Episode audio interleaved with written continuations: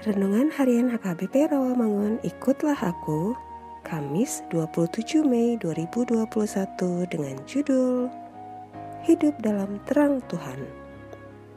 Bacaan kita pagi ini tertulis dalam Yesaya 1 ayat 1 sampai 4 dan 16 sampai 20 dan bacaan kita malam ini tertulis dalam Roma 8 ayat 1 sampai 8 dan kebenaran firman yang menjadi ayat renungan kita hari ini ialah Yohanes 8 ayat 12 yang berbunyi Maka Yesus berkata pula kepada orang banyak katanya Akulah terang dunia barang siapa mengikut aku ia tidak akan berjalan dalam kegelapan melainkan ia akan mempunyai terang hidup Demikian firman Tuhan.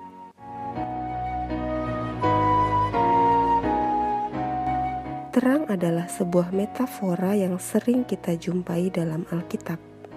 Bahkan, dalam proses penciptaan alam semesta, firman Allah yang pertama adalah "Jadilah terang". Dan Allah melihat terang itu baik, tertulis dalam Kejadian 1 ayat 3 sampai 4. Terang digunakan sebagai metafora kebenaran dan kebaikan, sedangkan kegelapan melambangkan kejahatan dan dosa. Sudah sangat jelas bagi kita, orang Kristen, bahwa kita harus hidup dalam terang. Tuhan ingin kita untuk terus berjalan bersama Dia di dalam terangnya, sampai kita sendiri menjadi terang yang hidup bagi orang lain. Ketaatan kita melakukan kehendaknya akan terefleksi melalui perkataan dan perbuatan di dalam hidup kita.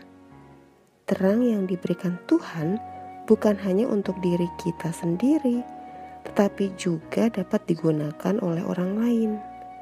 Orang Kristen tidak boleh hanya berpangku tangan dan tinggal diam mengamati orang lain berjalan dalam kegelapan.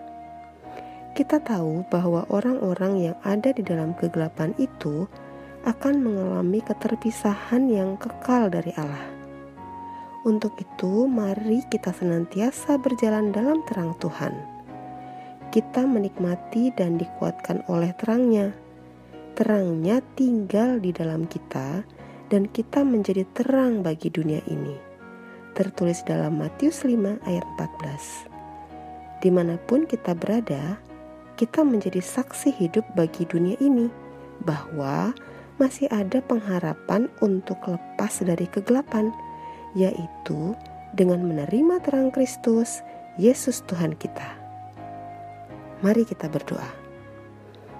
Tuhan Yesus, pakai hidup kami untuk merefleksikan terang yang sudah kami terima dari Engkau untuk orang lain di sekitar kami. Amin.